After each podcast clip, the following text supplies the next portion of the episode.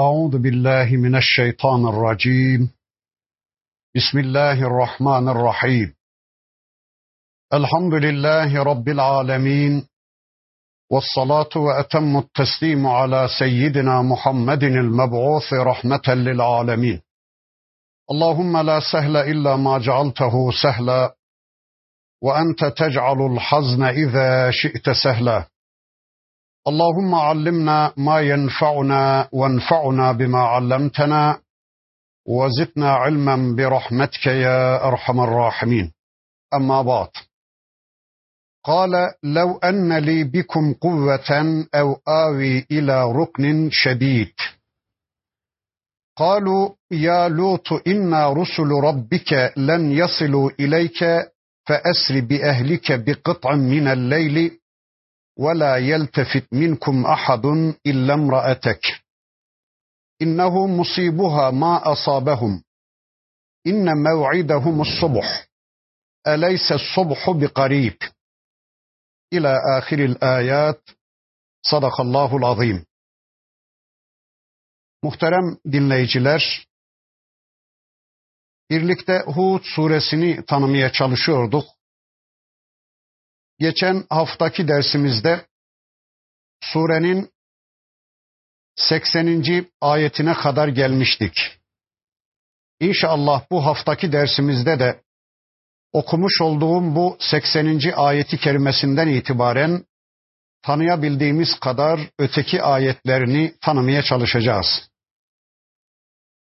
Geçen hafta Rabbimiz toplumu tarafından Lut aleyhisselamın evinin kuşatıldığını, toplumun Lut aleyhisselamdan evindeki gençleri istediklerini ve Lut aleyhisselamın çok daraldığını, çok sıkıldığını, işte kızlarım ey toplumum, onlar sizin için daha temizdir. Gelin onları nikahlayın, onlarla evlenin de erkeklere gitmekten vazgeçin böyle bir hayasızlığı yapmaktan vazgeçin demiş. Onlara toplumunun kadınlarını tavsiye etmiş. Onlar sizin için daha temizdir. Fıtrata daha uygundur. Allah sizin için kadınları var etmiş. Kadınlar için de sizi erkekleri var etmiş. Gelin meşru bir biçimde cinsel arzularınızı doyuma ulaştırın da erkeklere gitmek türünde bir ahlaksızlıktan vazgeçin demiş. Ama toplumu ısrarla hayır hayır ey Lut. Bizim ne istediğimizi sen pekala biliyorsun. Bizim kadınlarda bir meylimiz, bir arzumuz yoktur. Biz kadınlara karşı istediklerimizi, isteklerimizi, arzularımızı çoktan doyuma ulaştırdık. Biz artık onlara gitmek istemiyoruz. Biz kadınlardan hoşlanmıyoruz. Bizim istediğimiz senin evindeki erkekler dediler. Çok bunalan, çok daralan Lut aleyhisselam bakın dedi ki Kale lev enneli bikum kuvveten Keşke ey kavmim size karşı bir gücüm kuvvetim olsaydı. Ev avi ila ruknin şedid ya da sizin bu haince saldırılarınıza karşı sığınabileceğim bir melce, bir kale olsaydı, keşke ben sizden kaçıp oraya sığınsaydım dedi. Peki bir peygamber Allah'tan başka kendisine bir sığınak mı arıyordu? Allah'tan başka kendisine bir güç, bir yardımcı, bir destek mi arıyordu? Çok bunalmış bir peygamberin ağzından bu tür sözler çıkıverdi. Ama Rabbimiz onu bu konuda uyarmadı. Ona bir uyarı göndermedi. Demek ki bunalmış bir peygamber bunları söyleyebilecekti. Onun bunaldığını, daraldığını, sıkıldığını gören Allah'ın melekleri bakın dediler ki galu ya lutu ey lut İnna rusulu rabbike. Biz Rabbin elçileriyiz. Biz insan değiliz. Hiç endişen olmasın. Biz melekleriz. Biz Rabbin elçileriyiz ve bu toplumu, senin toplumunu, senin şirazeden çıkmış toplumunu yok etmek için Rabbimiz tarafından görevlendirilmiş melekleriz, elçileriz. Hiç endişen olmasın. Len yasilu ileyke. Bunlar ebediyen sana ilişemeyecekler. Bunlar ne sana ne de bize ebediyen dokunamayacaklar, zarar veremeyecekler. Fe esri bi ehlike bi kıt'ın minel leyli. Ailenle birlikte, ehlinle birlikte gece yarısından sonra şehri terk et. Allah böyle istiyor. Bu şehir helak olacak. Bu insanlar yerin dibine batırılacak. Ey Lut sen hiç endişelenme, hiç üzülme ve aileni al gece yarısından sonra şehri terk et, yola çık. وَلَا يَلْتَفِتْ مِنْكُمْ أَحَدٌ اِلَّا امْرَأَتَكْ Ama hiçbiriniz geriye iltifat etmesin. Arkanıza dönüp bakmayın. Kalbiniz helak olan toplumla birlikte atmasın. Gönlünüz onlarda olmasın. Hiçbiriniz arkanıza iltifat etmeyin, dönüp bakmayın. İllem ra'etek ancak karın müstesna. Hanımın müstesna hiçbiriniz arkanızda helak olacak toplumla ilgilenmeyin. Zerre kadar geri dönüp bakmayın, arkanıza iltifat etmeyin. İnnehu musibuha ma asabahum Şüphesiz ki topluma isabet edecek olan azap senin hanımına da isabet edecek. Çünkü senin hanımın kalbi zalim toplumun içinde atmaktadır. Onun tercihi zalim toplumdur. Onun gönlü zalim toplumla birlikte atmaktadır. Dolayısıyla o zalim topluma gelecek azaptan senin hanımın da kurtulamayacak. İnne mev'idehumus subuh Onların helak vakti sabah vaktidir. Onların randevu vakti sabah vaktidir. Eleyse subhu bi karib. Sabah vakti yakın değil mi dediler Allah'ın elçileri ve Allah'ın meleklerinden aldığı bu emirle Lut aleyhisselam ailesini aldı. Zaten ailesinden kendisine iman etmiş sadece iki kızı vardı tüm toplum içinde Lut aleyhisselama iman eden sadece iki kızcağızıydı. İki kızıyla birlikte yola çıktı. Rivayetlere göre hanımı da yanındaydı ama hanımının kalbi geride kalan kafir dünyada attığı için onun meyli kafirlere karşı tercihi kafirlerden yana olduğu için o azap onu da alıverdi. O azap o toplumun içine onu da katı verdi. Bir Müslüman tevhidi tanıdıktan sonra, bir Müslüman Allah'ı tanıdıktan sonra, bir Müslüman Allah'ın kitabını, Allah'ın dinini tanıdıktan sonra, hidayete erdikten sonra artık küfür dünyayla bırakıp geldiği o dünyayla ilişkilerini tamamen kesmeliydi. Kalbi geride olmamalıydı. Hatta o Müslüman hidayeti tanıdıktan sonra tekrar küfre dönmeyi ölümden daha beter bilmeliydi artık geçmişiyle ilişkilerini tamamen kesmeliydi. İşte hanımı tercihini küfürden yana kullandığı için, kafirlerin safında olduğu için kalbi kafirlere gelen azap onu da yakalayıverdi. Böylece Lut aleyhisselam iki kızıyla birlikte kurtuldu. Bakın bundan sonraki ayetinde diyor ki Rabbimiz فَلَمَّا جَاءَ اَمْرُنَا Nihayet bizim emrimiz geldi. Bizim yıkım emrimiz, bizim helak emrimiz geldi. Cealna aliyeha safileha. O toplumun, o iki büyük şehrin altını üstüne getiriverdik. Bakın şu andaki Lut Gölü'nün bulunduğu bölgede iki büyük şehir vardı. Sodom ve Gomorre isminde iki büyük şehir vardı. Lut aleyhisselamın elçi olarak görevlendirildiği iki büyük şehir vardı. Sodom ve Gomorre. Birinin nüfusu 500 bin, ötekisinin nüfusu da 450 bin civarında imiş. Bakın Allah diyor ki bizim emrimiz geldi de o iki şehrin altını üstüne getiriverdik. Rivayetlere göre Allah'ın elçileri o iki büyük şehri kaldırabildikleri en yüksek zirveye, gökyüzüne kaldırmışlar. Sonra ters çevirip yere vuru vermişler ve onların düştükleri bölge, yere vuruldukları bölge çökü vermiş. Bir krater gölü oluşu vermiş. İşte sularla dolu vermiş. Şu anda Lut gölünün altında 950 bin kişilik iki büyük şehir yatmaktadır. Evet o iki şehrin altını üstüne getiriverdik. Sonra da ve emtarna aleyha hicareten min siccilin manzud. Sonra da o iki büyük şehrin üzerine zaten yerin tabanına, yerin dibine batırılmış olan iki büyük şehrin üzerine çamurdan sertleştirilmiş bir taş yağmuru yağdırdık diyor Allah. Allahu Ekber. Şehir zaten gökyüzüne kaldırılmış, ters çevrilip yere vurulmuş, o bölge çökü vermiş. Ama şehir özelliği hiçbir zaman kalmasın diye o şehirden hiçbir emmare, hiçbir bakiye kalmasın diye sanki orada şehir var mı yok mu belli olmasın diye şehrin üzerini tamamen örtmek üzere bir taş yağmuru göndermiş Rabbimiz. Musevvemeten inde rabbik ve her bir taşın üstünde de hangi kafirin beyninde patlayacağı, hangi kafiri öldüreceği yazılı imiş. Yani anladığımız o ki taşlar uzaktan kumandalı mermiler gibi, nokta atışı yapan güdümlü mermiler gibi her bir taşın üzerinde hangi kafirin üstüne düşeceği, hangi kafirin beyninde patlayacağı, hangi kafirin işini bitireceği de yazılıymış. Hedefini şaşmayan taşlar. Evet, taş yağmuru yağdırdık diyor Allah.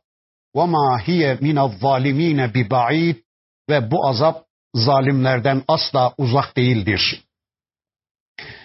Yani ey insanlar, ey 20. asrın insanları, bu olay tarihte bir kere olmuş bitmiş sanmayın.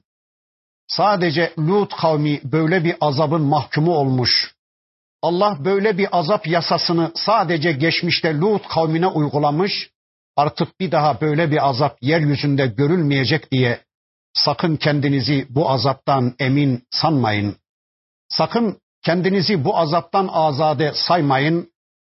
وَمَا هِيَ مِنَ الظَّالِم۪ينَ بِبَعِيدٍ Bu tür azaplar zalimler için asla uzak değildir. Eğer sizler de Allah'la savaşa tutuşur, Allah'ın elçisini reddeder, Allah'ın gönderdiği kitaptan bağımsız bir hayat yaşamaya kalkar, kitap ve peygamberi diskalifiye ederek kendi hayatınıza kendiniz program yapmaya kalkışırsanız, yani tıpkı Lut kavmi gibi zalimce bir hayatın mahkumu olursanız, bilesiniz ki Allah'ın bu azabı, Allah'ın bu tür azapları sizden çok uzak değildir. Sizler kendinizi bu konuda hiçbir zaman garanti hissetmeyin. Evet böylece Lut kavmi de helak oldu.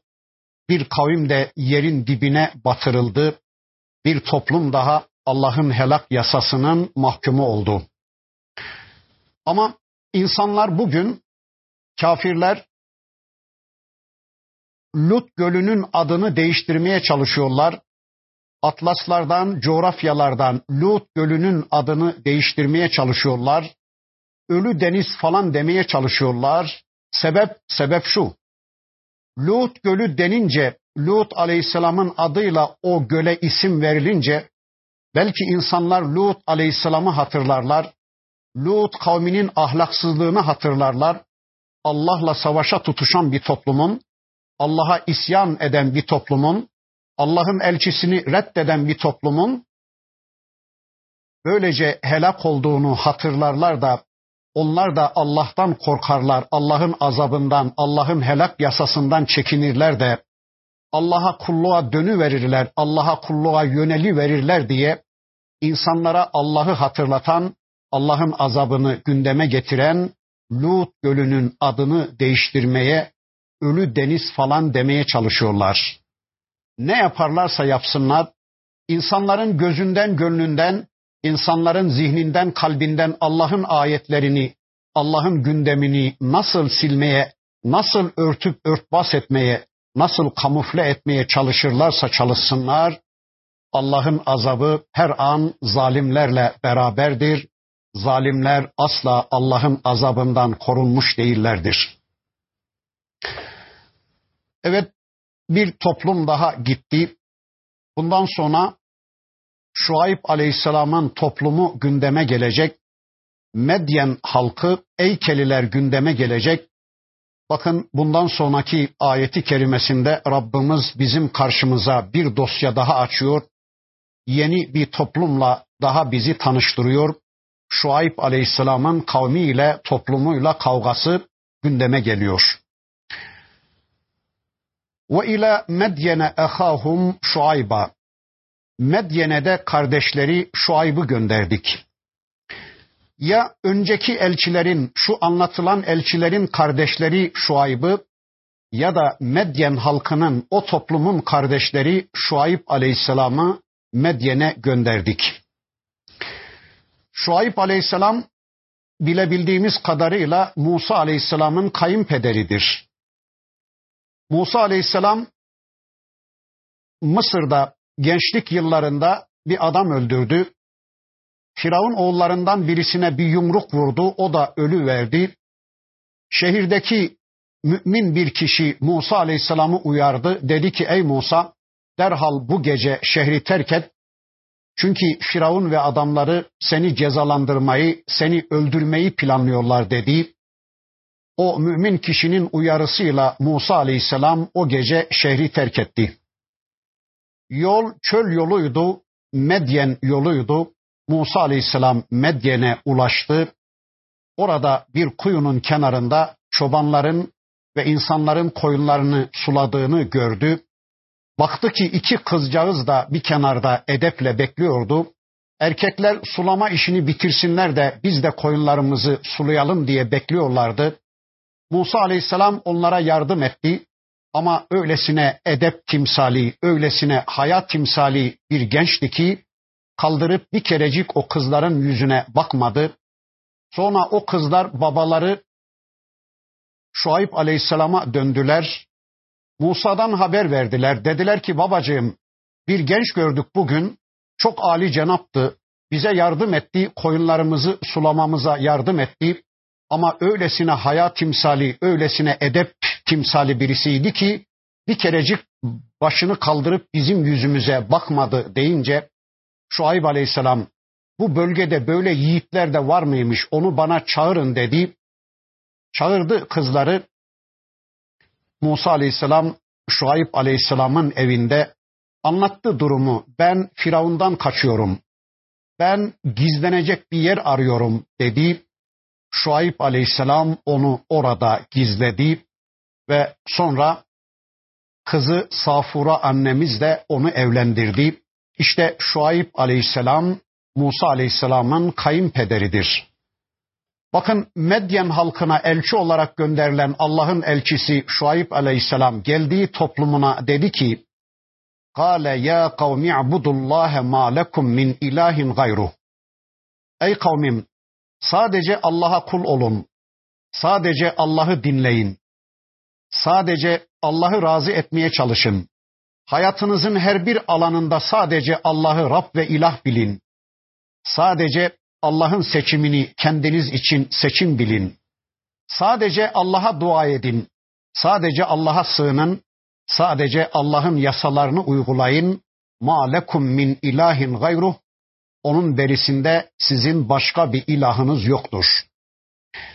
Bakın önceki peygamberlerin ortak davetini tekrar etti Şuayb Aleyhisselam. Sonra da toplumunun özel problemine dikkat çekerek şöyle buyurdu. وَلَا تَنْقُسُ الْمِكْيَالَ وَالْمِيزَانَ Ey toplumum, ölçü ve tartıyı eksik yapmayın. Ölçü ve tartıyı bozmayın. İnni erakum bi hayrin ben sizi gerçekten büyük bir zenginlik içinde, büyük bir bolluk ve servet içinde görüyorum. Zaten zenginsiniz. Şuayb Aleyhisselam'ın toplumu Asya ile Afrika'yı, Avrupa'yı birbirine bağlayan bir ticaret merkezinde yerleşmişlerdi. Kervanlar, gelip geçen kervanlar, Asya'yı Afrika'ya bağlayan kervanlar onlara büyük miktarda gelir bırakıyordu. Zaten toplum çok zengindi. Bakın diyor ki Şuayb aleyhisselam ey toplumum ben sizi büyük bir hayır içinde, büyük bir bolluk ve servet içinde görüyorum. E zaten zenginsiniz, zaten imkanlarınız çok fazla. Allah size yerleştiğiniz bu şehirde büyük bolluklar vermiş, büyük bereketler vermiş. Öyleyse ölçüyü ve tartıyı eksik yapmayın. Ve inni ehafu aleykum azabe yevmin muhit ve ben sizin için kuşatıcı bir günün azabından korkuyorum. Ya kıyamet gününün azabından korkuyorum sizin için diyordu Allah'ın elçisi Şuayb aleyhisselam ya da yaptığınız bu yanlışların neticesinde size gelecek bir helak gününün azabından korkuyorum diyordu. Bakın Şuayb Aleyhisselam'ın kavminin bir karakteristik özelliği vardı. O da hayatlarının ibadet bölümüne Allah'ı karıştırıyorlar ama muamelat bölümüne Allah'ı karıştırmak istemiyorlardı. Bakın alimlerimiz İslam dini biraz daha kolay anlaşılsın diye dini ikiye ayırmışlar. İbadet ve muamelat diye. İbadet bir kişinin Allah'la ilişkilerini düzenleyen prensiplere ibadet denmiş.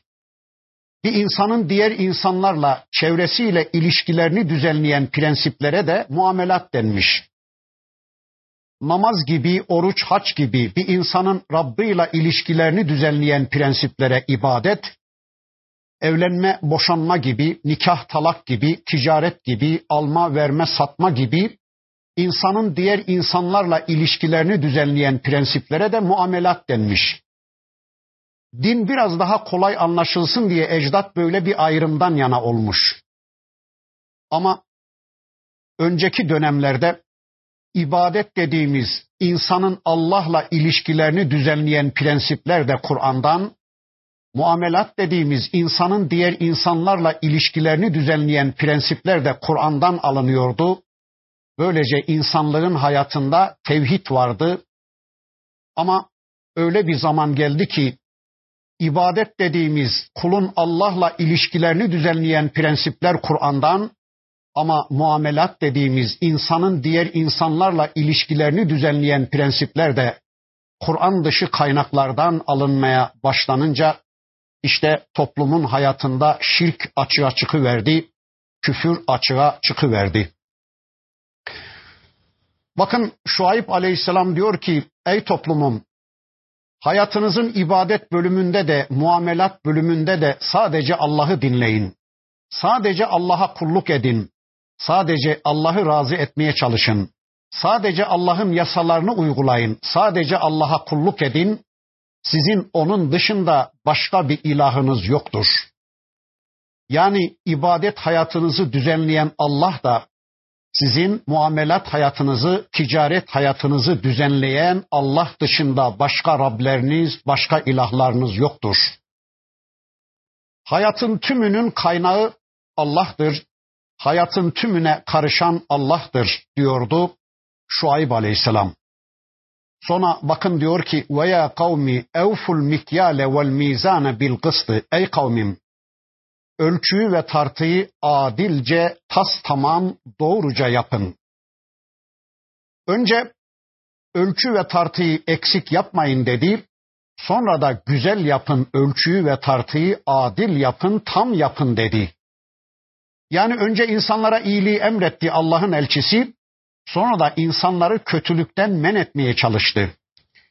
Bir insan sadece kötülük yapmıyorsa bu yeterli değil.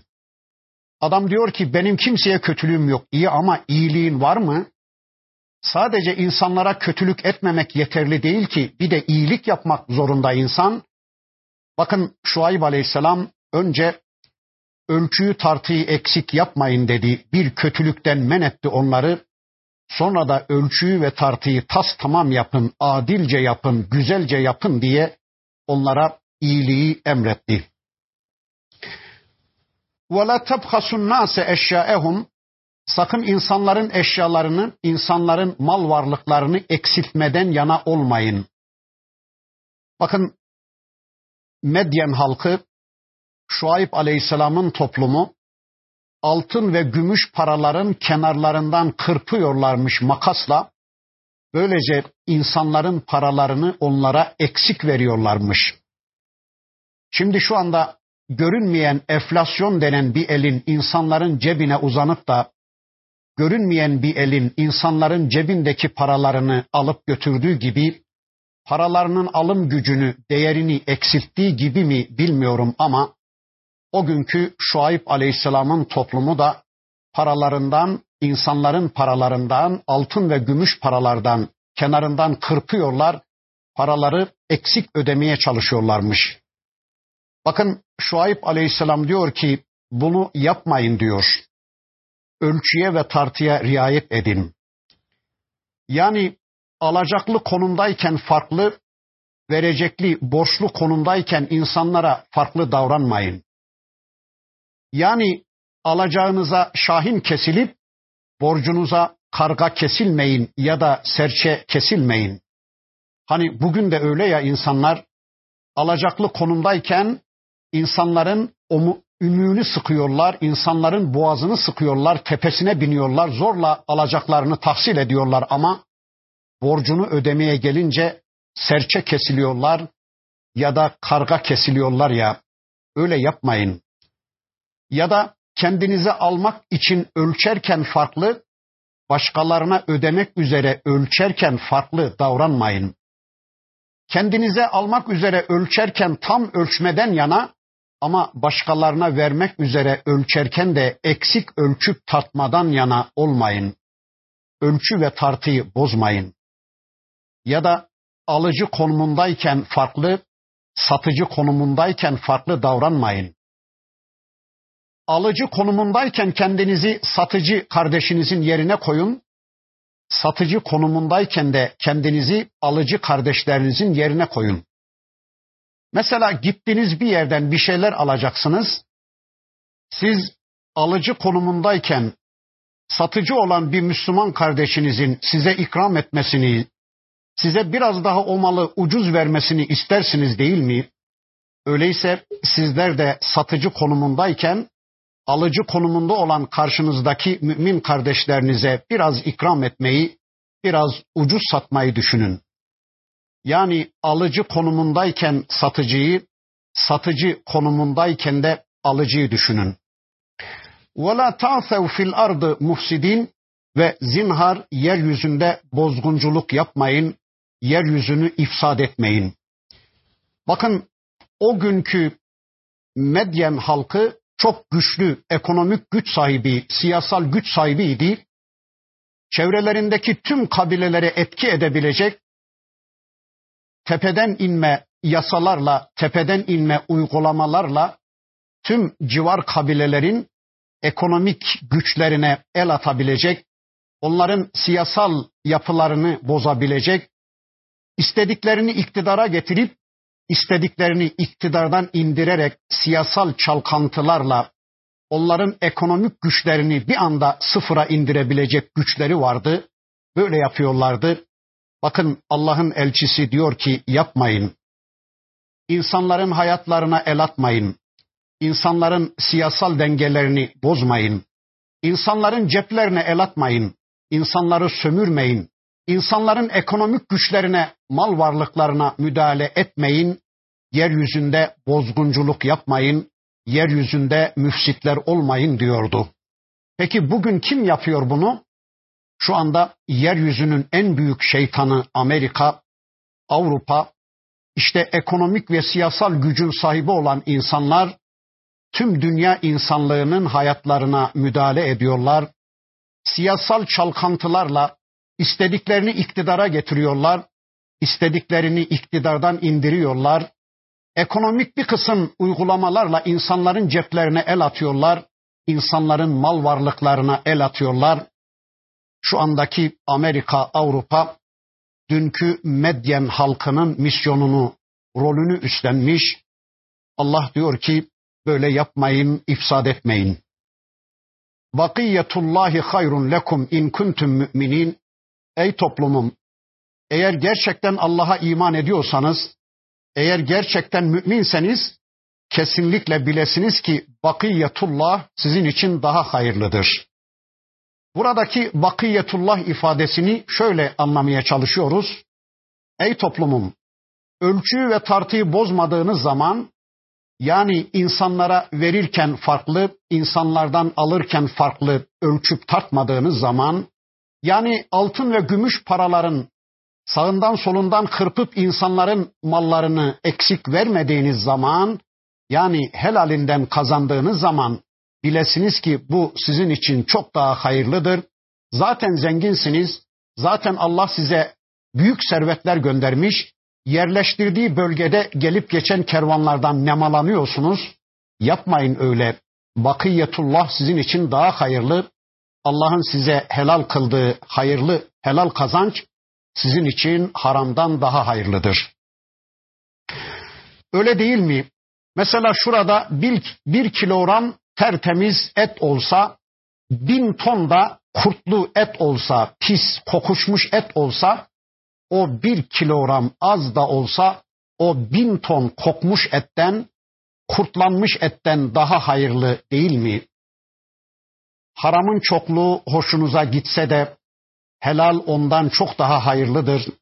Gelin ey Allah'ın kulları, haramla şişmeyi bırakın da az helalle yetinin.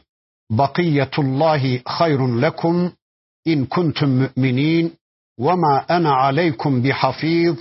Şunu da kesinlikle bilesiniz ki ben sizin için muhafız değilim, sizi koruyabilecek değilim. Yani siz böylece Allah'ın azabına layık hale gelirseniz, Allah'ın helak yasasının mahkumu ederseniz kendinizi, Allah'tan gelebilecek bir azaba karşı benim yapabilecek bir şeyim yoktur dedi Allah'ın elçisi. İnşallah burada kalıyoruz. Surenin bundan sonraki bölümünü tanımak için tekrar bir araya gelmek üzere Allah'a emanet olun. Velhamdülillahi Rabbil Alemin.